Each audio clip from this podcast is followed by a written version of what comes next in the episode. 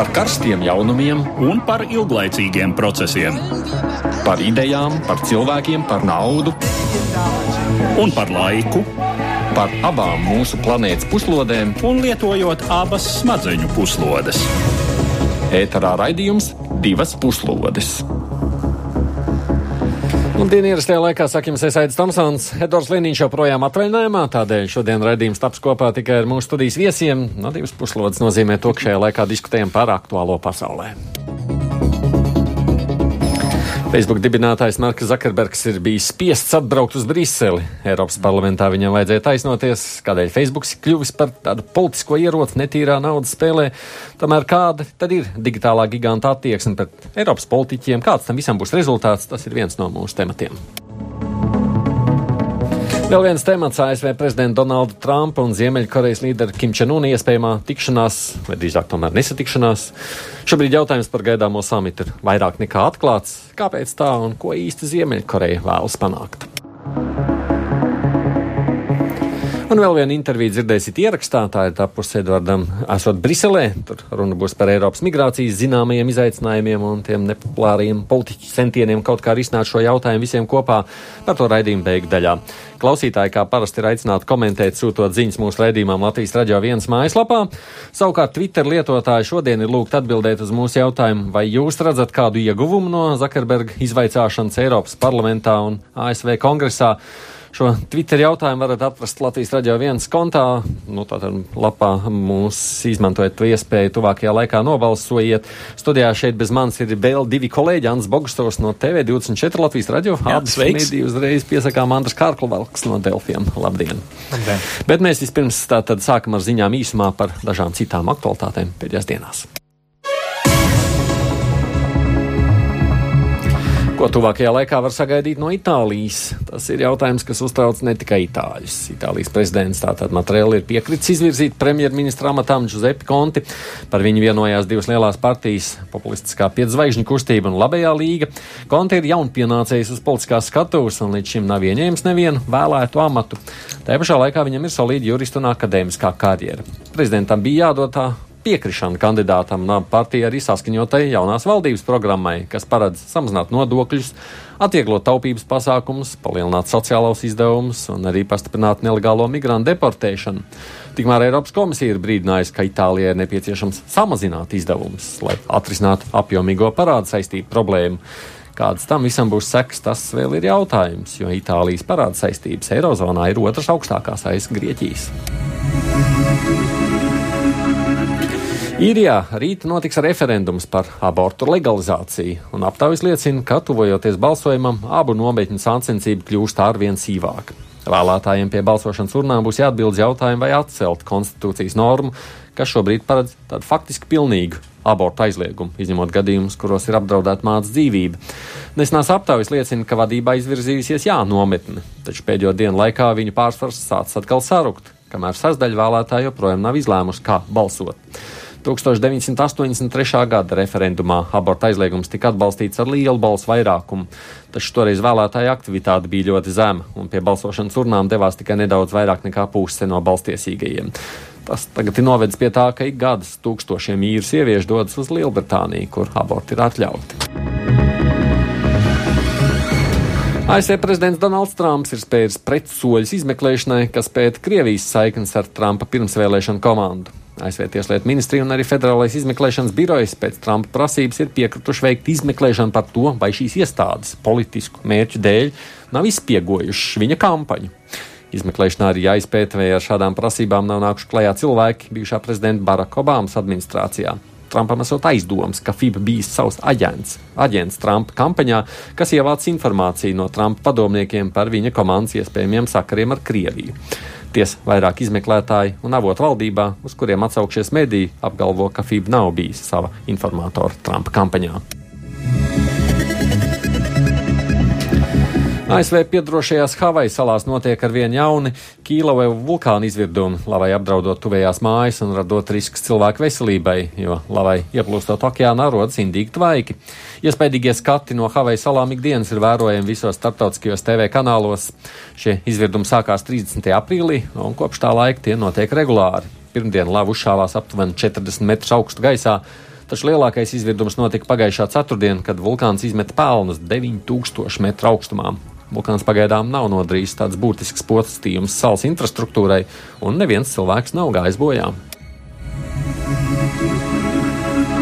Un vēl viena trešdaļa Latvijas iedzīvotāju ir ieinteresēta gaidāmajās Eiropas parlamenta vēlēšanās, kas ir zemākais rādītājs Baltijas valstīs, tālūk liecina vakar publicētā Eirobarometra aptauja.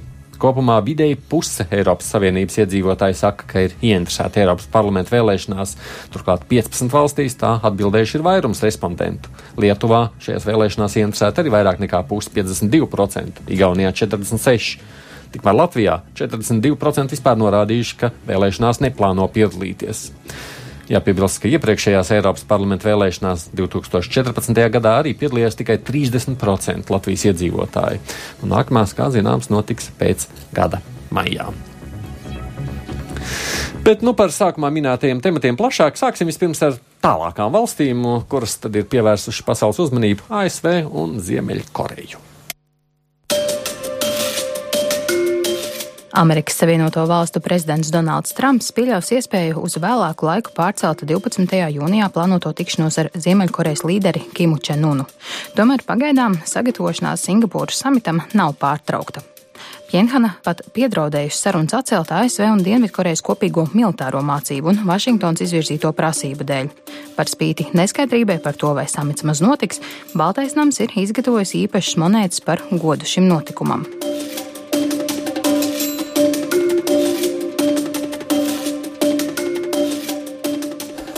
Atgādinu, kopā mums Andris Kārkovalks un Ants Bogastovs. Jūs likums būs tā abu valstu vadītāju tikšanās, vai tomēr ne? Būs. Trumpam būs, ir vajadzīgs, uh, um, nu, saka, tāds uh, miera ietērps eh, pret visām tām citām lietām, kuras pasaulē gal galā viņš nosīti nav miera balodas tuvajos austrumos, varbūt tālajos austrumos viņš var kļūt par miera balodu. Es saku, ka Trumpam pie visas tās blefošanas, ar ko viņš ik pa divām dienām maina savu viedokli un ko, viņam tas principā ir tāds, nu, tā plāns, jo nebija jau arī tāpat vien, ka bija arī nevalstiskās organizācijas, kas steidzās bez maz vai, nu, ja viņš šito dabūs gatavu, kā. Nobel prēmiju. Jā, tad Nobel prēmiju viņš dabūs. Un es domāju, tik ambiciozam un tādam lecīgam cilvēkam, kāds ir Trumps, eh, nu, viņam acis spīd uz šitām domām. Nu, kā tad Barack Obamu eh, izvirza un, un, un mani nē, vai ne, vai, nu, tur Eiropas Savienība dabūja un es, Trumps, nē. Es domāju, viņam pilnīgi tādas vienkārši cilvēcīgas tādas veča ambīcijas iekšā ir par šo tēmu. Man ir pilnīgi pretējais viedoklis. Es domāju, ka visticamāk, visticamāk šis samits nenotiks ļoti vienkārši iemeslu dēļ, jo tas, kas to ir apstādinājis, jau nav Trumpa puse. Apstā, apstādinājis jau ir Kima puse. Un apstādinājis ir režīms, kurš jau līdz šim ir uh, vedis uz dažādiem samitiem, uz dažādām samierināšanās. Uh, pakāpēm un vienmēr ir apstājies īsi pirms patiešām kaut kas notiek, mm. īsi pirms patiešām tiek slēgti būtiski līgumi. Saka, Kims negrib un, savukārt. Kimam, Kims ir panācis maksimālo. Viņš ir ieguvis atpazī, atpazīstamību, redzamību pašā augstākajā līmenī politikas. Mm. Un uh, ko viņš varētu vēl panākt? Tā, viņš neatteiksies no atomieročiem, ko, kas ir vienīgais valsts garants. Drošības. Viņš jau esot kaut ko jau demontējis jau šodien. Nē, vēl nē. Nē, šodien jau bija ziņa, ka nu jau esot nolīdzināts. Bet viss. to televīziju, kura bija no rietumiem atsūtīta vēl tur uh, viesnīcā, ja vēl nemaz neļauj, neļauj filmēt to demontēto daļu. Tā kā tur tas viss ir tā. Un arī tas, kas tiek demontēts, ir runa par uh, lielu kalnu alus sistēmas mm. ieejas aizbetonēšanu. Lūk. un tikai vienas no trim šādām sistēmām. Mm. Tas ir tas, ko parāda. Bet tas kalns esot sabrucis tur apakšā. Jā, tas ir viens no kalniem, no vienā no ejas. Tas ir viens no trim kalniem un tikai daļa no visas sistēmas. Mm. Tā, ka, Tieši tā. Nē, nu pagaidi, pagaidi, bet nav viss tik vienkārši. Tātad, tātad tā, sadalām, tātad Trumps jā. grib ļoti tikties, Kims negrib tikties, kā tad mums tagad lai dara. Tagad. Nē, es gribu nolikt vēl vienu šāku pozīciju starp mums nostīt, un tā ir Ķīna.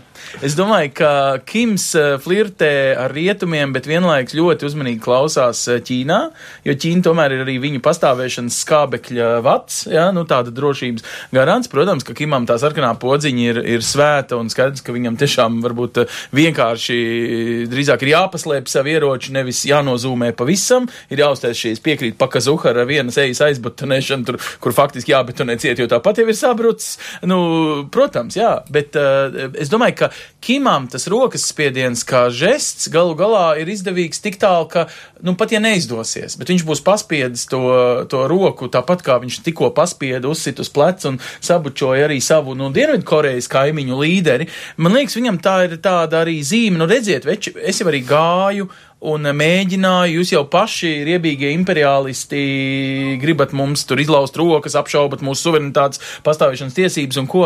Um, nu, mums tomēr jāpaturprātā, tā ir ļoti nabadzīga valsts, kurā iespējams, ka viens no argumentiem, kāpēc Kims ir sācis runāt savādāk, ir patiesībā pirms, nu jau sāk laikam pusotru, ja, vai gada, ieviestās sankcijas. Nav jau tā, ka Kims mm, pats mm, pamodās jā. vienā rītā un mainīja, ziniet, man naktī redzēju sapnī miera balodi, sapratu, ka man jāmaina sava agresīvā pozīcija pret rietumiem. Nu, viņam iespējams vienkārši nu, tauta var sacelties iekšā pret viņu. Nu, Viņam vi... ēst gribās. Jā, nu, vai viņa padotajiem. Es, es piekrītu tik tālu, cik tālu Ziemeļkoreja ir pilnībā atkarīga no Ķīnas, kas ir viņas mm. saikne ar ārpasauli jā. līdz šim lielā mērā. Bet uh, Ķīna nav tā, kas ir ārkārtīgi ieinteresēta galīgā samitā. Viņa ir ieinteresēta uh, ka Ziemeļkoreja ir viens no instrumentiem, ar ko Ķīna var strādāt ārpolitikā. Un šobrīd Trumps ir pavē, jau pirmais viņa uzbrukums, kas bija ārpolitikā, bija tieši pret Ķīnu. Mm. Ķīnai ir nepieciešami instrumenti, ar ko strādāt pretī, un Ziemeļkoreja ir viens no tiem. À, tā kā novest jā. līdz Baltkvēlē Trumpu un tad izgāzt, ja? Tā kā, nu, tā kā ķīniešu spēle būtībā. Šobrīd pēc tā arī izskatās. Nu, labi, reiz jūs tā sakāt, viss jūs trīs pieminētās valsts, arī Mārts Anžāns aps svēra tajā brīdī, kad mēs viņu sazvanījām, pareizāk sakot, man kolēģi jau Valēna sazvanīja, tātad Rīgas Traģiņu universitātes pasniedzējs Mārs Anžāns, ko viņš saka, ko īsti grib abu valstu līderi, paklausāmies ierakstu. Mm -hmm. Katrai pusē savu mērķi. No ASV puses izskatās, ka tas vairāk ir uh, prezidentam Trumpam vēlme pēc šova un uh, parādīt, ka viņš var sasniegt vairāk nekā citi iepriekšējie prezidenti attiecībās uz Ziemeļkoreju. Uh, Nu, ja nesanāk, tad nu, neko tā ļoti daudz jau ASV arī nezaudēs. Tad nāksies atgriezties pie citiem risinājumiem, iespējams pie tā paša um, militārā risinājuma, kas uh, daudz uh, vairāk izskanēja pagājušajā gadā.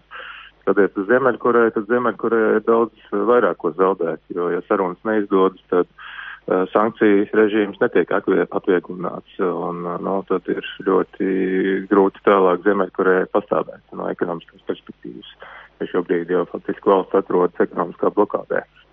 Kā jums šķiet, cik daudz vispār Ziemeļkoreja var atļauties nezinu, izlekt pirms Trumps vienkārši nogriež kā ar nazi, ka šis samits nenotiks un ka viņam pietiek? Nu, tikpat labi arī Ziemeļkoreja pat var novakt, var teikt, nost no šī samita, jo iepriekš arī Trumps pats ir uh, norādījis, ka viņš arī var aiziet no sarunām projām. Nu, var sanākt tādā paradoxālā kārtā, ka viņš uh, vēlas palikt, bet Ziemeļkoreja aiziet projām. Un tad, kā saka, uh, nu, Ziemeļkoreja savā ziņā pat labāk izskatās uz tā fona. Bet nu, skaidrs par Ziemeļkoreju, ka viņa mērķis ir uh, gan saglabāt kodoli ieročus, uh, lai uh, nodrošinātu savu režīmu eksistenci. Un uh, tā arī aizvien vairāk izskatās, ka visi tie notikumi kopš uh, Kimčina un jaungada uzrunas vairāk ir bijis teātris, lai panāktu starptautisko sankciju atcelšanu. Jo kopumā tas viss izskatās uh, pārāk skaisti, lai būtu patiesība, ka valsts, kas ir viena no despotiskākajām un nabadzīgākajām pasaulē, pēkšņi kļūst par tādu kā mieru balodi. Un, un, nu, pēkšņi griezīs to savu uh, kursu mieru virzienā. Nu, tas tā arī izskatās, ka ne, nebūs bijis patiesība. Nu, es domāju, ka ir vairāk iespēja, ka samits nenotiks nekā notiks šobrīd. Uh, ja šis samits nenotiek un uh, nenotiek šis uh, miera sarunas un tā tālāk, kas varētu būt nākamā valsts, pie kuras Ziemeļkoreja varētu vērsties ar kaut kādu Uh, kaut kādām sarunu iespējām, lai arī varētu kaut kā to savu ekonomisko uh, situāciju atvieglot. Jā, nu tā viennozīmīgi Ķīna. Jā, tas, ko esam redzējuši šogad, ka Kim Činons pirmo reizi vispār tikās ar ārvalstu līderiem, un uh, pirmais uh, no tiem bija uh, Ķīnas prezidents Xi Jinpings. Un arī uh, otra tikšanās ir notikusi, tā kā nu, noteikti būs sarunas ar Ķīnas tautas republiku. kas uh, iepriekš pirms sankcijām uh, veidoja nu, pats uh, pēc atsevišķām aplēsēm pie 90% Ziemeļkorejas ārējās tirdzniecības. Teik, ja Ziemeļkoreja izdodas atrisināt teikt, attiecības ar Ķīnu, uh, tad arī Ziemeļkoreja tādā pieticīgā veidā var turpināt attīstīties arī tālāk. Ķīna pat ir vairāk ieinteresēta, ka saglabājas status quo, līdzīga situācija kāda bija, jāsaka, pirms sankcijām, nu, kur nav sāsinājums tik, tik uh, milzīgs, nav kara draudi, un, nu, lai šādā situācijā Ziemeļkoreja turpina dzīvot kā dzīvot, nedaudz modernizējoties, bet lai tas nenovērst pie abu Koreju apvienošanās, kas, nu, pilnīgi noteikti nozīmētu tādu uh, rietumnieciskāku vai amerikāniskāku Koreju daudzajādā ziņā. Tā Mārcis Anģāns ir SU pasniedzējis. Nu, klausoties Mārija Anģānā, es saprotu, tur jau neviens tā īsti negrib nekādu labu rezultātu. Varbūt vienīgi tiešām Trumps. Mm. Nē, bet es neesmu tik drošs, ka tiešām vienīgi Trumps. Trumps tikai grib. tiešām vienīgi Trumps. Jums jāpadomā arī par tādu aspektu kā Dienvidkoreja. Tā ir valsts, kurai gal galā, piedodiet, ir piegriezies pusgadsimtu pus dzīvot uh, stobra galā, tā teikt, paņemtai uz graudi, jūs zināt, 60, 70, cik tur ir tie kilometri starp robežu un uh, galvaspilsētu, jā, Seulu. Jā. Jā? Nu, tā tad uh, viņi ir, nu, principā, jūs iedomājaties, ka jūs esat visu savu mūžu mērķis, bet. Viņi jau ir pieraduši. No vienas puses jā, bet no otras puses viņi ir ekonomika kur attīstās tik strauji, ka arī, protams, ķīnieši viņus sāk neieredzēt, tāpēc, ka viņi izkonkurē reāli ar savām tehnoloģiskiem, uh, nu, jauninājumiem, visādiem, piedodiet vārdā nosaukto kompāniju Samsung vai kā savādāk. Nu, um, es domāju, ka arī Dienvidkoreja, nu, paskatieties, cik ļoti īpaši neklausoties amerikāņu sākotnējās dusmās, pēc tam priecājoties, ka amerikāņi maina viedokli, nu, piemēram, drīkst vai nedrīkst eh, abas korejiešu tautas puses eh, iedzem viena karoga olimpiskajās spēlēs. Uh, tur amerikāņi teica, ka kas vēl nebūs, ko jūs te vispār, kā jūs uzdrošināties mūs neklausīt. Dienvidkorejas prezidents, nu, tomēr, nu, bija šis samierinošais politiķis, kas gāja, un šur tur arī, saprotu, iekšpolitikā viņam nebija viegli, bija arī korejieši, kas teica, tā, sacīt, nu, ka Dienvidkoreja šeit varētu kaut kādā veidā darīs visu, lai panākt. tas notiktu notiktu, jo tā ir viņu savukārt arī nacionālās drošības eh, jautājums. Un viņi spēlēs diplomātisku spēli, protams, reiķinoties ar Trumpa neparasto personību, kuru ir jāsavalda ne, ar nezināmām metodēm un jā, jāapspēlē eh, vēl viņa, es nezinu, Twitter eh, domāšana. Tagad Andrim ir iespēja oponēt. jā, Dienvidkorejas politika vienmēr ir bijusi atvērta sarunām. Tas ir, nemai, tas ir bijis nemainīgi. Jā.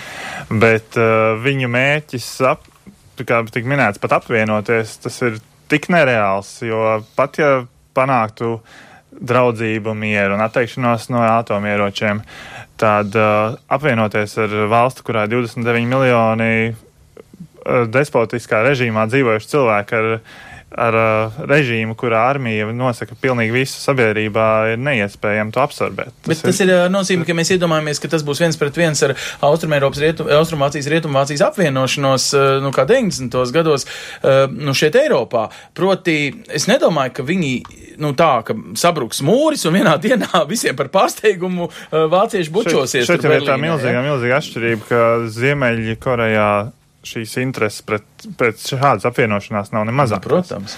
Tas ir jebkāds no, nu pavērsiens, ka vispār tas varētu uz to iet jau režīmu sagraut. Jā, bet, bet vienkārši mēs tā Eiropiešu domāšanā domājam, ka tas bezmaz vai ir tas scenārijs, nu, un tad pēc tā piegriežam šīs situācijas. Es domāju, ka runa ir par demilitarizēšanu, par, eh, nezinu, trauksmes noņemšanu, par eh, varbūt nepēdušo 29 miljonu bišķiņu pabarošanu ar humānajiem sūtījumiem vai tam līdzīgām lietām. Proti, nu, kā teikt, paēdis nezvērs krātiņā tomēr ir mierīgāks nezvērs krātiņā. Nu, tas, tas, tas ir. Bet, bet, ja runājam īsti, ko tomēr Kim Čenuns grib? Grib? Nu, kas ir tas, kā mēs to atbildētu? Līdz šim uh, vienmēr arī iepriekšējais viņa tēvs uh, Čanieris ir vēlējies, lai, lai tiek saņemta noteikti palīdzības paka lai, lai tiek atceltas sankcijas, un mēs varam, viņi var tirgoties ar noteiktām lietām, kas viņiem ir. Tās ir ogles, tās, ir, tās ir citas dažādas izaivielas. Tātad sankciju atcelšanu viņš gribētu panākt. Protams, Protams ka viņš gribētu panākt. Nu, un ja viņš netieks ar Trumpu, tad jau švaki, vai ne? Nu, ir, nav jau visi. Vēsture ir pierādījusi, ka, ka parasti panāk tādu kā nomierināšanas periodu. Mēs tagad uz brīdi slēdzam atomu elektrostāciju. Uh, ne, uh, mēs slēdzam šīs izmēģinājuma stacijas, mēs slēdzam šos kalnus, aizbetonējam šīs ieejas uz laiku, kamēr mums tiek, nav, nav uzstādītas sankcijas. Tad, kad mēs redzam, ka kaut kāda iemesla dēļ tas atkal bremzē vai, vai tiek uzstā, uzcelts jaunas sankcijas, mēs izmēģinām jaunas ieročus. Un tas ir tāds nepārtraukts cikls, kas atkārtosies. Nu, un, ja tu saki, ka nu, Trumps tik ļoti tomēr grib savu tēlu veidošanai vismaz šeit kaut ko izdarīt, tad viņš varētu arī būt tāds piekāpīgāks, sakot, nu, redz, jau lietas. Nē, nu, bet mums jāpatur prātā, ka Trumps jau arī mēģina apspēlēt Ķīnu, tāpat kā Ķīna mēģina apspēlēt Trumpu. Nu, proti, Trumpam tā ir lielāka, globālāka spēle, kurā viņam ir viņa, nu, tā kā, nu, cik nu viņam ir izpratne par ārpolitiku kā tādu, jo šur tur, es domāju, nu, viņš ir šī gada laikā, būdams uh, Baltānam saimnieks, nu, sapratis, ka šur tur viņš ir varbūt, nu, salauzis malku. Šur tur viņam ir kaut kādi principi, kurus viņš nevar atteikties no saviem pirmsvēlēšanu solījumiem. Es vienkārši domāju pēdējo to gadījumu ar, ar uh, nu, pārcelšanu uz, uz Jeruzālemi savas valsts vēstniecību Izrēlā.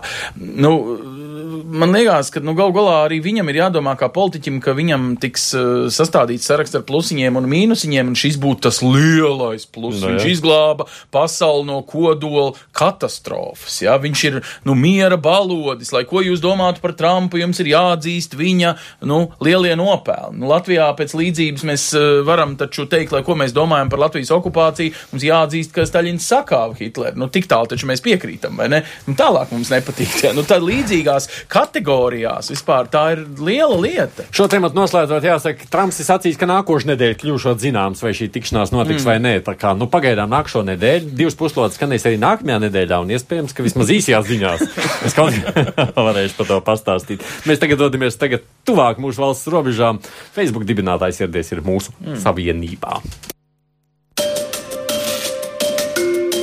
Kopš Cambridge Analytica skandāla marta vidū Facebook radītāju un vadītāju Marku Zakerbergu ir vēlējušies redzēt daudzi politiķi.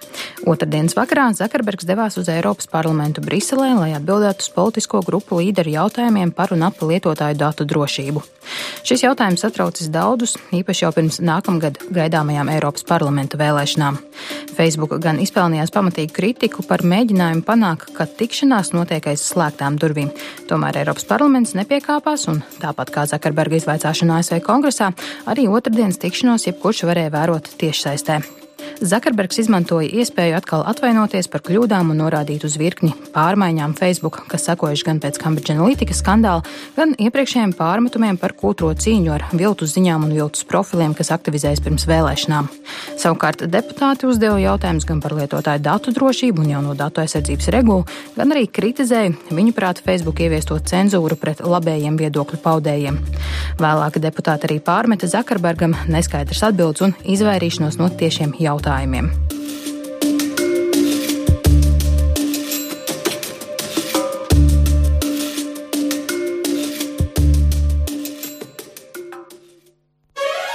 Divas puslodes.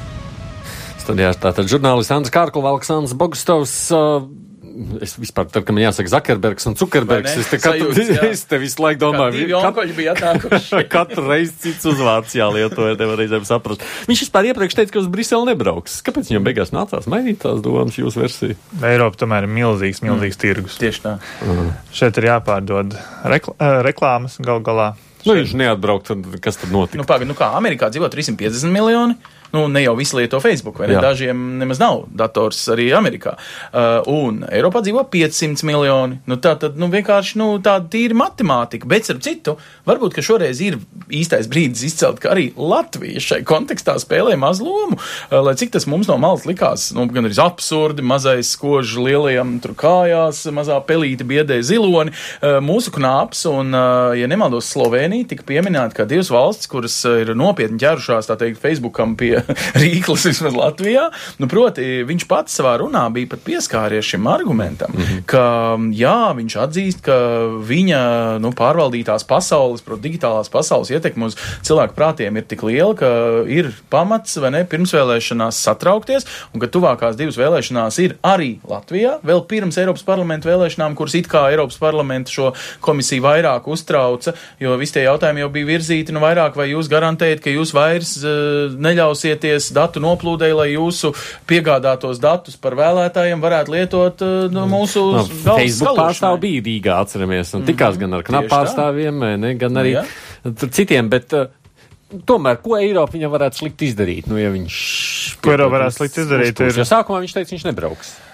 Sākumā Eiropa var uzlikt sodus par mm. Vienkārši par konkurē, par to, ka. Viņi jau tāpat tur draud uzlikt viņi, sodus. Du, mm. viņi arī ir uzlikuši sodus par mm. WhatsApp nopirkšanu. Šobrīd, ņemot vērā jauno datu regulu, ir jau dati pārcelti no Eiropas uz Ameriku, lai tos nevarētu regulēt. Mm -hmm. Attiecīgi, nu, Facebook uzmanās un viņi šeit grib darboties, bet viņiem var apd viņu, viņus, viņu darbību var apgrūtināt, jo tu vari atrasties digitālā vidē, bet reklāmas, piemēram, jā, viņi gal galā ir reklāma pārdevēji. Mm. Viņiem reklāmas jāpārdod šeit. Mm. Un uh, jādarbojas šeit. Jo ziņas arī sākumā bija, ka viņš tā kā vispār negribēja tā kā publisku tikšanos. Gribēja, nu, kā, e, tur ir tā, ko viņš grib un ko viņš negrib. Nu, mums jāpaturprātā, ka tie ir pirmkārt politiķi. Es biju, starp citu, tajā nedēļā, man liekas, Andri, tur arī bija Jā, Eiropas parlamenta bija. plenāra sesijā, kad, um, nu, tajos koridoros visi bija tādi tā kā sašuvušies. Ak, Dievs, cik forši Amerikā viņš ieradās un uz noklausīšanos, un viņi tur visi tie deputāti izstāv, mēs arī tā varētu, ja? Proti, tas ir arī tāds šova elements, kā uz Zakarberga vai Cukerberga fona paši politiķi pozicionējuši sevi. Tev vajadzēja redzēt, kā mūs bombardēja. Andri, visdrāk, tavā e-pastā arī ienāca steidzami. Viņš ir piekritis pēc dažām stundām tiešajā ēterā.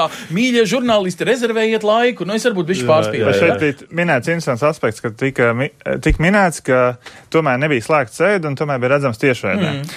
Bet patiesībā Facebook jau savā ziņā bija uzvarējis jau to, ka šis, tas, šīs gavilis bija par to, ka uh, Zakarbergs sēdēs tur vidū, milzīgā plēruma, plēruma vidū, un visi deputāti viņam uzdos jautājumus, gluži kā senātā, trīs dienas no vietas, varēs uzdot, ko vien vēlēsies, viņš visiem atvainosies. Okay. Un no tā Zakarbergs izvairījās mm. pilnībā. Viņš atbrauca un tikās tikai ar politisko grupu līderiem, frakciju vadītājiem, kuri pat nespēja uzdot visus jautājumus. Viņš neatbildēja uz lielāko daļu no tiem. Un šodien mums mm. e-pastos arī Ansim no patās ienāca e-pastā pirmās rakstiskās atbildes, Jā. jo viņš, jo Facebook atbilda rakstiski. Bet būtībā jurists sagatavot. Jurists sagatavot. Tur ir trešajā personā atsauc, kā jau Zakarberga kungs jums vakar skaidroja, tad viņa citāts un tad garais jurista sagatavotais. Nu, tāda nu, kā, eh, tas viss bija, protams, no abām pusēm mazliet iestudēts teātris, lai pievērstu uzmanību. Un, starp citu, varbūt, ka godīgi būtu tagad skaļi jāapsaka paldies, ka viņš atbrauc, jo šo statistiku, ko tu nolasīji, par to, ka drīz būs Eiropa parlamenta vēlēšanas, par kurām labi, ja katrs trešais vēlētājs ir ieinteresēts piedalīties, piemēram, Latvijā, mm. Zakarberga parādīšanās, nu, gal galā atgādina faktu, ka tas ir svarīgi, ka viņi kaut ko tur mēģina par mums rūpēties, ka viņi mēģina to noregulēt pat tādam milzim kā Facebookam, kur nevar. Man gan nav pārliecības par to, viņam tur kaut kas sanāca vai nesanāca. Jo tad, kad mēs šeit klasējam klausītājiem, vai viņi redz kādu iegūmu no šādas Zakarberga izvaicāšanas Eiropas parlamentā, 6-6%, nu, 2 trešdaļas saka, ka viņi neredz. Nu, labi, jā vai nē, piespiest online ir uh, kaut kādā mērā viegli. Vienkārši. Jā, bet, nu, ja tu jautā, nu, tur lielākā daļa, hmm, nu, atbrauc, nu, kas man no tā? Nē, tieši šeit Latvijā, nu, noscīti maz kas, no otras puses, piedodiet, bet arī mums taču negribētos, lai kāds kaimiņš mūsu trepju telpā, nu, staigātu ar izskalotām smadzenēm. Un, starp citu, vienalga, vai tas ir politiski izskalotām, vai uh, par putekļu sūcēju pirkšanu, vai par, uh, nezinu, pārtiks piedevu uh, brīnumaino ietekmi un tā tālāk. Nu, Facebookā no notiek daudz, un tas tiešām Oi, ir to, reklāmas. Guns raksta, ka Facebook ir lieliska barotne visām perversijām, no Kremļa troļļiem līdz tam, tam līdzīgi. Bet tur redz, kāda jēga no tās atbraukšanas. No tās atbraukšanas lielā jēga ir tā, ka mēs arī redzējām, ka Facebook patiesībā jau uztrauc Eiropu. Jā. Jo citādi viņš nebūtu atbraucis, viņš pat nebūtu, vai arī būtu atbraucis, un viņi ne, neinteresētu tas, ka ir slēgta vai neslēgta sēde. Un tas viss parāda to, cik viņi tas uztrauc, un gal galā šo, tik pieminēts referendums rītā pār abortu aizliegumu mm -hmm. īrijā tieši uz, uz šo referendumu reklāmas kampaņas tiek ārkārtīgi monitorēts. Un, e, man šķiet, ja es tagad nemaldos, pilnīgi visu pušu uh, reklāmas tikpat aizliegts. Mm. Un, uh, un Google šķiet līdzīgi reaģēja, pasakot, ka mēs uh, aizliedzam visu, arī, arī uz šo referendumu, bet es neatceros, vai nebija pat uz visu šo gadu kaut kādām visām politiskajām pusēm, mm. uz visām politiskajām izšķiršanās reizēm. No, nu, nelielu citātu mēs varam paklausīties no viņa vakardienas teiktā Eiropas parlamentā ierakstā. I know that there are a lot of important elections coming up in, in Europe. Es zinu, ka Eiropā tuvojas daudz svarīgas vēlēšanas 2018. un 2019. gadā. Ir gaidāmas vēlēšanas Slovenijā, Zviedrijā, Beļģijā, Latvijā, Polijā un, protams, Eiropas parlamenta vēlēšanas. Un tā ir viena no mūsu galvenajām prioritātēm - nodrošināt, ka citi nevar iejaukties vēlēšanās tā, kā to varēja izdarīt Krievi 2016. gada ASV prezidenta vēlēšanās. Spēles plāns ir pasākumu kombinācija būvēt vairāk līdzekļu, kas atpazīst viltus profilus un tos slēdz. Francijas pirmsvēlēšanu laikā mēs slēdzām vairāk nekā 30 tūkstošu viltus kontu. Veidot ciešāku sadarbību ar vietējām vēlēšanu komisijām, kā mēs to darījām Vācijas parlamentu vēlēšanu laikā, kā arī kopumā nodrošināt lielāku atklātību, kas mūsuprāt būs ļoti svarīga. Jo, ja jūs publiski redzat katru reklāmu, ar ko kāds politiķis vai kāds cits cenšas sasniegt konkrētas auditorijas, tas vienkārši nodrošina lielāku atbildību. Šo visu globālā mērogā mēs sāksim izmantot vasarā. Esam optimistiski, bet domājam, ka laika gaitā nāksies ieviest arī citus līdzekļus.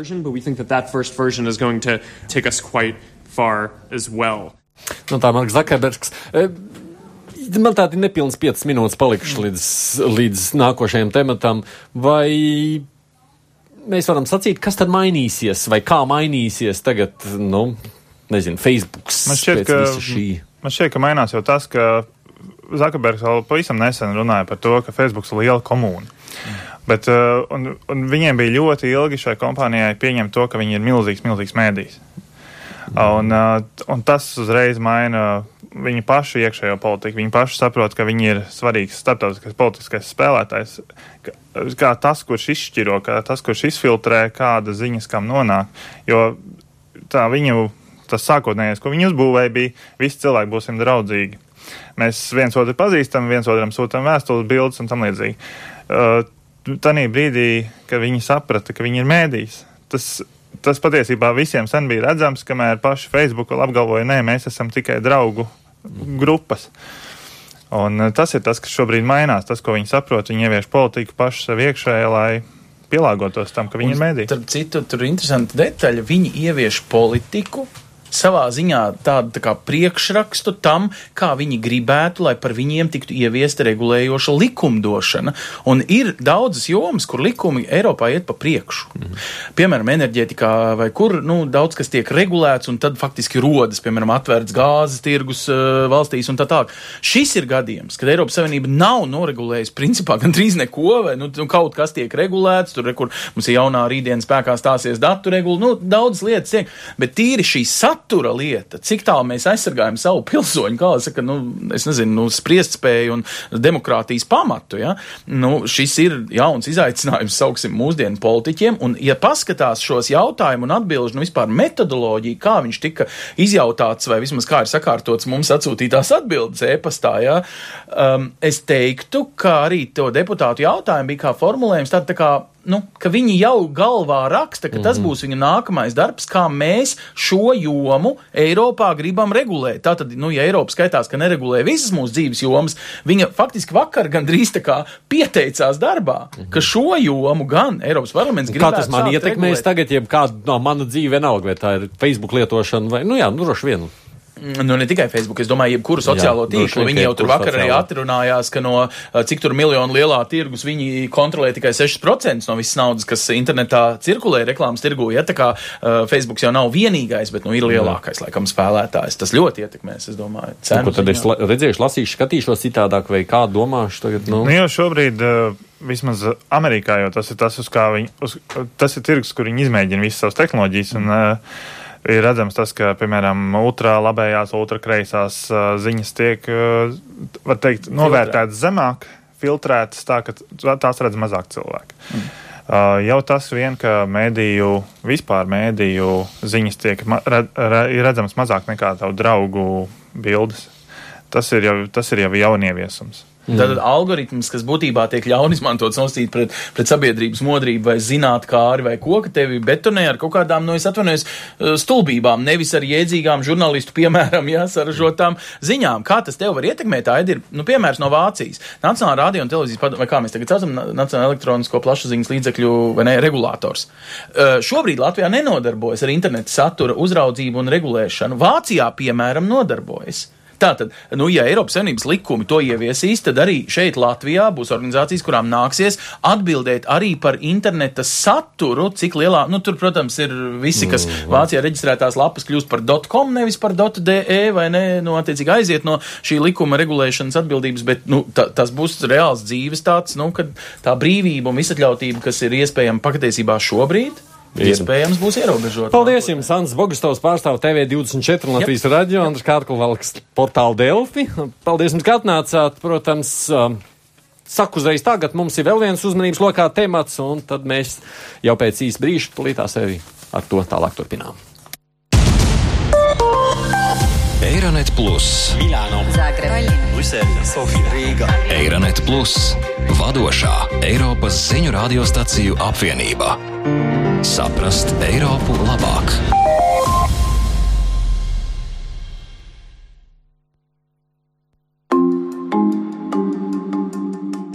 Regulāra migrācija uz Eiropas Savienību no attīstības valstīm pastāv jau vairākas desmitgades, un etniski augstu sabiedrību veidošanās vecajās Savienības dalību valstīs jau sen tiek uztverta kā normāls process. Taču pēdējie gadi šai ziņā likuši saskarties ar jauniem izaicinājumiem, ar negaidītu lielu un attiecīgi grūti kontrolējumu migrācijas plūsmu, kas savu kritisko apogēju sasniedza 2015. gadā, liekot runāt par bēgļu krīzi. Galvenie nelegālās migrācijas ceļi uz Eiropas Savienību ved no dienvidiem pāri vidusjūrai un pēdējos gados arī cauri Balkāniem. Jau laikā pirms 2015. gada nelegālās migrācijas situācija vidusjūras reģionā bija sāsinājusies. Muamāra Kadafija režīma sabrukums Lībijā un tam sekojošais pilsoņu karš bija padarījis šo valsti par teritoriju bez likuma un centralizētas varas, par lielisku bāzi cilvēku kontrabandas darboņiem, kur transportēja Eiropā nokļūt gribētājus pāri vidusjūrai uz Itāliju. Viņu klientūra pamatā bija migranti no ekvatoriālās Āfrikas, kuru vidū vislielākajā skaitā bija Eritrejas, Malī un Nigērijas pilsoņi. Šo migrantu motīvi pamatā ir ekonomiskas dabas, lai gan arī politiskā un tiesiskā situācija viņu izcelsmes reģionā daudz viet ir tālu no stabilas un apmierinošas. 2014. gadā šo migrantu skaits teju trīskāršojās, salīdzinot ar iepriekšējo gadu, pārsniedzot 170 tūkstošus.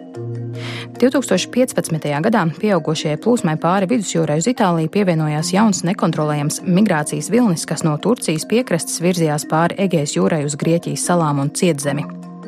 Tie pamatā bija Sīrijas bēgļi, kurus no viņu valsts bija padzinis arvien nežēlīgākais pilsoņu karš. Viņiem pievienojas arī bēgļi no Irākas ziemeļiem, kuru daļu teritorijas bija sagrābusi Daīša, kā arī bēgļi no Afganistānas, kur bruņotas cīņas risinās nu jau teju četras desmitgades. Tiek lēsts, ka līdz 2015. gada beigām pa šo ceļu Eiropas Savienībā ieradās apmēram miljons migrantu. Grieķija nebija gatava tikt galā ar šo cilvēku plūsmu, tā skaitā izpildīt Eiropas Savienībā spēkā esošo Dublinas vienošanos, kas paredz, ka par nelegālo ieceļotāju turpmāko statusu un likteni jālemj tai dalību valstī, kurā viņi ieradušies. Dzīvais vilnis virzījās tālāk cauri Balkāniem, sasniedzot Ungāriju, no kurienes bēgļi savā vairumā cerēja sasniegt valstis ar labvēlīgāko patvērumu politiku, pirmkārt Vāciju un Zviedriju. Tas viss izraisīja nopietnas politiskas sekas, kad viedokļi par problēmas iespējamo risinājumu krasi atšķīrās kā starp dažādām Eiropas valstīm, tā arī šo valstu iekšienē. 2016. gada martā panāktā vienošanās starp Eiropas Savienību un Turciju bēgļu plūsmu gan strauji samazināja, taču Eiropas Savienībā jau nonākušā miljonu liktenis joprojām nav līdz galam atrisināts. Bēgļu pamatmasa koncentrējusies Vācijā, Ungārijā, Austrijā un Skandināvijas valstīs, kamēr citas Savienības dalību valstis tas kārus daudz mazākā mērā. Var piebilst, ka šīs norises Eiropā ir tikai daļa no pēdējā desmitgadē strauji sāsinājušās globālās bēgļu krīzes. Nestabilo reģionu kaimiņu valstis, tādas kā Libāna, Jordānija, Turcija un Pakistāna, piedzīvojušas vēl krietni lielāku bēgļu pieplūdumu. Kopumā pēc ANO ziņām pārvietoto personu skaits pasaulē šobrīd sasniedz apmēram 40 miljonus, kas ir augstākais līmenis kopš otrā pasaules kara beigām. Plašāk par migrācijas problēmām Eiropas Savienībā klausieties Eduarda Liniņa intervijā ar Eiropas parlamenta deputātu Klodu Moraisu. Refugee issues now have impacted on the European Union. Bēgļu problēmas šobrīd ietekmē Eiropas Savienību, un šīs bēgļu plūsmas ir radījušas politisku problēmu Eiropas Savienībā, jo imigrācija un bēgļu jautājumi neatiecas tikai uz skaitļiem un resursiem, tie attiecas uz identitāti. Daudzas Eiropas valstis ir postkoloniālas valstis, dažas, kuras iestājās 2004. gadā, ir postkomunistiskas valstis ar minimālu etnisku dažādību. Tādējādi bēgļu krīze, kas ir globāla krīze, visai dramatiski ietekmē visas valstis. Tās valstis, kurās bija bēgļu uzņemšanas praksa, piedzīvoja smagu solidaritātes un līdzdalības deficīta krīzi. Tādas valstis kā Vācija un Zviedrija uzņēma ļoti lielu bēgļu skaitu, kamēr Lielbritānija, zināmā mērā arī Francija, vēl citas valstis uzņēma mazāk. Mazāk tieši šajā periodā, jo iepriekšējos gados šīs valstis jau bija uzņēmušas daudzus bēgļus. Tas radīja politisku krīzi. Vēl viena politiska problēma bija, ko darīt tajās valstīs, kurās vēsturiski nav pastāvējusi šāda rakstura etniskā daudzveidība - Baltijas valstīs, daudzās citās Centrāla Eiropas un Austrum Eiropas valstīs. Līdz šim nav pietiekami novērtēts tas politiskais iespējas, kāds šajā situācijā ir kultūras atšķirībām, rasei, aizspriedumiem. Postkomunistiskajā telpā ir vērojama plaša populisma ietekme, jo cilvēkus baida pat pieļaujums, ka varētu notikt šāda migrācija, kaut tā tur nekad nav piedzīvota. Citādi tas ir tādā tādās valstīs kā Lielbritānija, Francija, Vācija un Itālija, kur jau daudzas desmitgadus pastāv postkoloniālā imigrācija un etniskā daudzveidība, bet bažas valda tieši tajās valstīs, kur šāda migrācija bijusi ļoti neliela. Eiropas Savienībā kopumā tā tiek priekšstatīta kā eksistenciāla krīze. Pat tajās valstīs, kuras uzņem ļoti maz bēgļu, tā tomēr kļūst par nozīmīgu politisku tēmu. Un to nevar reducēt uz jautājumu, par ko gan viņi uztraucas, ja šis skaits ir tik mazs. Atbildi ir drīzāk jāmeklē psiholoģijā, migrācijas un bēgļu psiholoģijā un Eiropas nāciju psiholoģijā. Tāpat būtu jācenšas izprast atšķirīgā uztveres un rasu psiholoģiju, tas, kā cilvēki Eiropā uztver ne Eiropiešus. Manuprāt, šo jautājumu nozīme nav tikusi pietiekami novērtēta, un šobrīd Eiropa meklē tam risinājumus. Taču šis process prasa zināmu attieksmes maiņu. Pirmkārt, tāpēc, ka dažas no šīm globālajām bēgļu plūsmām nemaz neskar Eiropu. Pamatā tās notiek jaunatīstības valstīs. Eiropa nebūtu neuzņem lielāko bēgļu skaitu. Tāpēc, lai īstenotu solidāru līdzdalību ar pārējo pasauli, ir zināmā mērā jāmaina attieksme, bet realistiskuma robežās. Neviens neuzstāja, ka valstīm, kurām nav nekādas ārpus Eiropas imigrācijas vēstures, būtu tagad jāuzņem liels skaits bēgļu. Tomēr zināma attieksmes maiņa viņa būtu liederīga. Es gan domāju, ka tas būs ilgs process. Tas nenotiks īsā laika sprīdī. Um, but this is, I think, going to be a long story. I don't think this will be fixed in, in a short space of time. Cik lielā mērā Rietumēropā pastāv izpratne, ka atšķirīga attieksme valstīs bez koloniālās pieredzes nenozīmē, ka to iedzīvotāji, poļi vai latvieši, ir slikti eiropieši? I think it's, it's very misunderstood because Es domāju, tas tiek ļoti pārprasts. Valstīs, kurās ir bijusi postkoloniālā imigrācija, Francijā, Lielbritānijā, Beļģijā, Nīderlandē, viņi nenovērtē tās psiholoģijas izmaiņas, kādām jānotiek valstīs, kur nav bijis burtiski nekādas ārpus Eiropas atšķirīgas rases imigrācijas. Postkomunistisko valstu situācija, manuprāt, nav tikusi pietiekami novērtēta. Es to varu teikt no savas pieredzes. Es pats esmu indiešu izcelsmes, bet uzaugu Skotijā, kur tolaik etnisko minoritāšu, baltajai rasē nepiederīgu cilvēku bija ļoti maz. Es zinu, ko nozīmē dzīvot sabiedrībā, kur nav citu tev līdzīgu minoritāšu. Tas ir ārkārtīgi sarežģīti. Pastāv milzīga psiholoģiska barjera, kas reizums rada naidu, reizums rada bailes. Politiķiem tā ir iespēja būvēt populistisku platformu. Tas daļai izskaidro notiekošo. Tas nenozīmē, ka konkrētie cilvēki ir rasisti vai noteikti neieredz bēgļus, bet tas viss var radīt kolektīvu reakciju, kas var būt negatīva. Un šis psiholoģiskais aspekts bieži netiek novērtēts. Es domāju, ir taisnība, ka Rietumē Eiropā postkomunistiskās valstis, kurās nekad nav bijusi ārpus Eiropas migrācija, netiek pietiekami izprastas. Eiropas Savienībai būtu jāiegulda vairāk pūļu izskaidrošanā. Tajā pat laikā tā ir problēma, ka visu situācijas smagumu šobrīd iznes tikai dažas valstis, un tās nevienmēr ir tās lielākās. Valsts ar nelielu iedzīvotāju skaitu, kā Zviedrija vai Beļģija, uzņem daudz bēgļu. Viņu jautājums ir, cik daudz laika tad vajag, lai citi arī dalītos šajā nastā. Tāpat ir tādas valsts kā Ungārija vai Slovākija, kur notiek strauja ekonomikas izaugsme, no kurām aizbrauc daudz jaunu cilvēku. Šīm valstīm varētu būt labvēlīga attieksme pret migrāciju noteiktā apjomā. Šobrīd šīs valsts ieņem ļoti striktu nostāju. Minēšu piemēru. Mums Eiropas Savienībā praktiski nav nekādas vienotas politikas no planētas nelabvēlīgākajiem rajoniem nākošu bēgļu nometināšanai. Tajā pašā laikā ar šiem reģioniem robežojošās jaunatīstības valstīs ieplūst miljonu bēgļu. Bet pat ierobežota bēgļu skaita nometināšana, kas tiktu veikta stingri vadītā procesā, ir kaut kas ļoti grūti panākams. Par to tomēr kaut kādā mērā ir jādomā, vai vismaz mums būtu jābūt mehānismam, kas nodrošinātu, ka tās valstis, kuras negrib uzņemt kādu bēgļu skaitu, varētu izrādīt savu solidaritāti citādi, humanās palīdzības vai kādā citā veidā. Tas ir ļoti rūpīgi jāpārdomā, jo, piemēram, lielāku bēgļu skaita pārvietošana uz Baltijas valstīm tiešām varētu būt neadekvāta. Jums ir mazas valstis, bēgļi varētu vēlēties doties uz valstīm, kur jau ir viņu tautiešu kopienas. Tas viss ir jādara saprātīgi. Bet tas ir arī jautājums par izpratni, ka, ja jūs vēlaties būt Eiropas Savienībā, tad ir jāizrāda zināma solidaritāte. Vēl viens uztvērs aspekts ir tāds, ka Eiropa it kā uzņems vislielāko problēmas slogu. Patiesībā Eiropa ir tas planētas reģions, kas uzņem vismazāko bēgļu skaitu. Mēs joprojām atpaliekam no Savienotajām valstīm, pat no Trumpa Savienotajām valstīm. Mēs ļoti atpaliekam no Kanādas, mēs atpaliekam no visām citām rietumu pasaules daļām, tā izskaitā arī no Austrālijas. Tātad Eiropa šai ziņā nav pat rietumu pasaules priekšgalā, un mums ir jādomā, kā rīkoties. Mums jādomā par to, ka nākotnē Vācija, Austrija, Zviedrija vairs nevarēs uzturēt to pozīciju, kāda tām šai ziņā ir pašreiz, jo tas nav taisnīgi pret šo valstu iedzīvotājiem un arī ved pie Eiropas kohēzijas izjaukšanas. Arī likt Grieķijai ciest no šīs problēmas tā, kā tā cieši pašreiz, nav Eiropas Savienībai pieņemama. Galu galā, ja mums nebūtu Eiropas Savienības, tad tas viss būtu citādi. Bet, ja mums ir šī savienība, tad kāds mehānisms ir nepieciešams. Bet, kā jau teicu, mums jādomā par gudriem risinājumiem, par noteiktu humāno palīdzību, nometināšanas nelielos apjomos, citiem aspektiem. Tomēr šobrīd. Es baidos pat šajos aspektos mums diez cik labi neiet.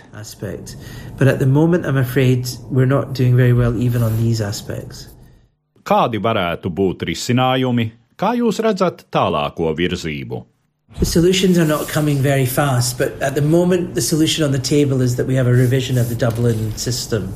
Risinājumi nenāk ļoti ātri, bet tas risinājums, kas šobrīd tiek izskatīts, ir Dublinas sistēmas un patvērumu piešķiršanas dokumentu paketes revīzija, ko šobrīd apspriež Eiropas Savienība. Pašreiz aina nav ļoti optimistiska. Izskatās, ka nekādu obligātu personu pārvietošanas mērķu nebūs. Pašreizajā periodā, Eiropas Savienībā prezidējot Bulgārijai, mēs domājam, tiksim pie kādiem brīvprātīgiem pasākumiem, bet jebkas brīvprātīgs šajā jomā parasti nozīmē neveiksmi. Bēgļu un migrācijas joma ir politiski ļoti sensitīva, tāpēc valdības augoša populisma situācijā, kā piemēram Ungārijā, noteikti neko nedarīs. Tāpēc mums jādomā, ja sistēma ir brīvprātīga, kā tā darbosies. Šobrīd nedarbojas ne bēgļu pārvietošanas sistēma, ne patvērumu piešķiršanas likumdošana, ne bēgļu nometināšanas politika. Pēdējos divus mēnešus mēs nodarbojamies ar priekšlikumiem Dublinas sistēmai, tam mehānismam, kas nosaka, kas notiek ar bēgli, kad viņš pirmoreiz ierodas Eiropas Savienības dalību valstī, kā viņš tiek novērtēts, ir vai nav bēglis, vai viņš tiek izsūtīts no Eiropas Savienības, vai arī viņam ļauj palikt, kā viņš tiek integrēts, kurā valstī viņš galu galā nonāk, vai tiek pārvietots piespiedu kārtā. Ja, piemēram, viņš ir nonācis Itālijā, kur ir pārāk daudz šo bēgļu, vai kāda cita valsts varētu viņu uzņemt. Ar visiem šiem jautājumiem nodarbojas Dublinas sistēma, bet tāpat tā nodarbojas arī ar to, kurus cilvēkus un kā no Eiropas Savienības jāizsūta atpakaļ. Mums ir Eiropas Savienības un Turcijas vienošanās, kurai ir daudz negatīvu aspektu, taču tās rezultātā Savienībā ieplūstošo bēgļu skaits ir nepārprotami krities. Bet te ir daudz negatīvu cilvēktiesību aspektu. Tāda ir pašreizējā situācija - ļoti sarežģīta. Tomēr Eiropas Savienībā ir daudz to, kur cenšas, lai sistēma darbotos labāk. But I think there are many people in the European Union trying to, to make the system work better. Latvijas sabiedrībā valdošā attieksme ir tāda. Protams, mēs nevaram liekt patvērumu kara bēgļiem, bet šai cilvēku straumē, kura pārpludina Eiropu, ir liels skaits ekonomisko migrantu un varbūt arī kādi teroristi. I've been to Latvia several times uh, during the presidency and so on. Es esmu vairāk kārt bijis Latvijā. Esmu runājies ar cilvēkiem, viņi neatšķiras no ļaudīm jebkur citur Eiropā. Latvijas pilsoņi neko neatšķiras no Lielbritānijas, Francijas, Beļģijas vai Ungārijas pilsoņiem. Visi Eiropas valstu pilsoņi par bēgļiem saka vienu un to pašu. Mēs gribam tikai patiesus bēgļus, tos, kuri bēg no īsta kara. Starp viņiem var būt teroristi, mums nepatīk musulmaņi, un visi šie motīvi nepavisam nav ekskluzīvi Latvijai. Tie ir visai izplatīti visur - Rietumē Eiropā, Centrālā Eiropā, Austrumē Eiropā, Baltijā, Skandināvijā, Dienvidē Eiropā. Visi saka vienu un to pašu, un turpinās teikt vienu un to pašu. Lietas būtība ir tāda: noteikts bēgļu skaits pilnīgi noteikti bēg no kara. Ir jābūt pilnīgam muļķim, lai teiktu, ka Sīrijā nav kara un ka Sīriju nepatīk jāizpamet simti tūkstoši bēgļu. Vairums no šiem bēgļiem vispār nedodas uz Eiropu. Viņi ir Libānā, Jordānijā, un lieluma lielais vairums no viņiem ir uzņemti Turcijā. Turcija šai ziņā ir īpaša valsts, kur ar sevišķu pretīmnākšanu uzņem, izmitina, izglīto un ļoti cieņpilnu attieksmi palīdz simtiem un simtiem tūkstošu bēgļu. Eiropai patiešām būtu jānokaunas, kad aizbraucam uz Turciju un redzam, kā bēgļi tur dzīvo, salīdzinot ar jebkuru citu pasaules valsti. Un to visu viņi dara par pašu līdzekļiem. Turcija nav Eiropas Savienībā. Viņi tērē paši savu budžetu. Eiropa šai ziņā ir diezgan unikāla. Kad bēgļi ierodas Eiropā, visi par to grib zināt. Kad latvieši pauž nepatiku par iespējamiem teroristiem un neīstiem kara bēgļiem, viņi šai ziņā ir tieši tādi paši kā citi eiropieši, vienmēr un visur. Eiropieši vienmēr jūtas īpaši, un latvieši tai skaitā. Bet lieta ir tāda, ka Eiropa ir un paliek pasaules daļa, un pašreizējā bēgļu krīze ļoti bieži risinās mums pavisam tuvu. Sīrija ir ļoti tuvu Eiropas Savienībai. Kipra no Sīrijas šķir vien nedaudz jūdas, un arī Latvija no tā viss nav nemaz tik tālu. Tas viss nāk mums ar vienu tuvāk. Pirmkārt, es teiktu, ka mums vienmēr jāatceras, kas ir bēglis. Arī Latvijā ikvienam ir atmiņas vai nu par karu, vai komunismu, vai citiem smagiem laikiem. Mums vienmēr jāatceras, ka tāda lieta kā īsti kara bēgļi reāli pastāv. Otrakārt, ir ļaudis, kur bēg no nabadzības, nevis no kara. Tādi ir tie, kuri nāk no Subsahāras Āfrikas. Tas ir vēl viens atšķirīgs jautājums. Tā ir ļoti sarežģīta tēma, un Latvijas pilsoņiem ir taisnība sakot, klau, kāda tad ir mūsu politika? Šie cilvēki riskē ar dzīvību, lai nonāktu Eiropā, bet vai mēs gribam, lai viņi apmetas mūsu valstī? Te vispārīga atbilde ir, tie nav bēgļi, ja viņi bēg no nabadzības, taču šī situācija kaut kā ir jāvada, ir jābūt robežām, ir jābūt Eiropas vienotai migrācijas politikai. Bet šis ir interesants moments. Ja mums nav politikas nevēlama personu pārvietošanai un deportēšanai, un tajā pašā laikā pastāv kāda legāla ceļa, kā apmesties un strādāt, teiksim, Itālijā vai Spānijā, tad tāda politika ir jāveido. Tātad Latvijas pilsoņiem ir ļoti daudz taisnības, kad viņi saka, ka tie visi nav kara bēgļi. Runājot par terorismu jautājumu, tad šī ir daudz smagāka tēma. Ja mēs domājam par jebkuru bēgļu plūsmu, tad allaž pastāv briesmas, ka jūsu valstī tādējādi var nonākt ļaudis no nepareizām organizācijām, kuri kaut ko slēpj un tam līdzīgi. Tāds risks allaž pastāv, un varas iestādēm tas jāapzinās un jānovērš šīs bažas.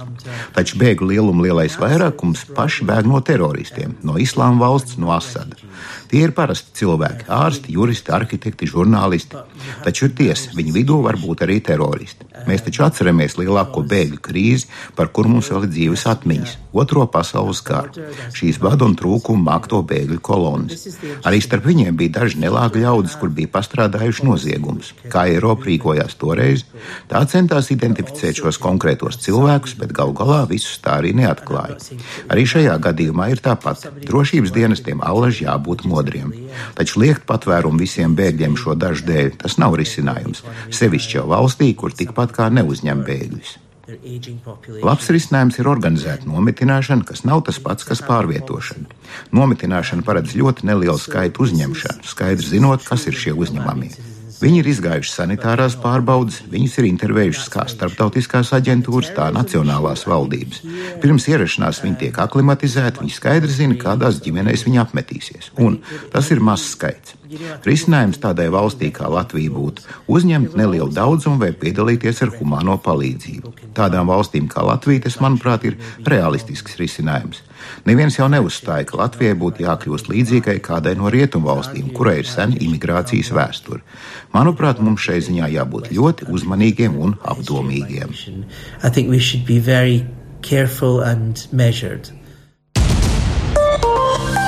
Eironet Plus, Milāno, Zagreba, Brisele, Sofija, Rīga. Eironet Plus, vadošā Eiropas ziņu radiostaciju apvienība. Saprast Eiropu labāk!